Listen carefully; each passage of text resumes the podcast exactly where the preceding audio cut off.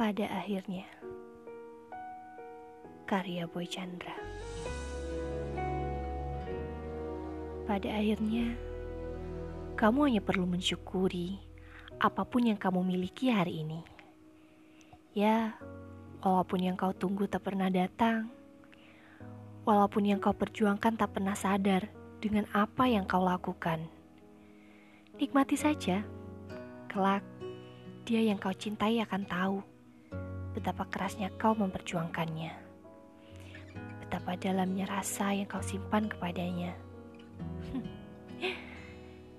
Dia hanya pura-pura tidak tahu, atau mungkin tidak mau tahu sama sekali. Tak usah hiraukan. Jika sampai hari ini kau masih memperjuangkannya dan masih menunggunya, tak masalah. Tidak ada salahnya dalam memperjuangkan cinta yang kau rasa. Namun, satu hal yang mungkin bisa kau renungkan, menunggu ada batasnya, dan kau akan tahu kapan harus berhenti dan mulai berjalan lagi, meninggalkan tempat di mana kamu pernah berjuang sepenuh hati, tetapi tak pernah dihargai untuk kamu.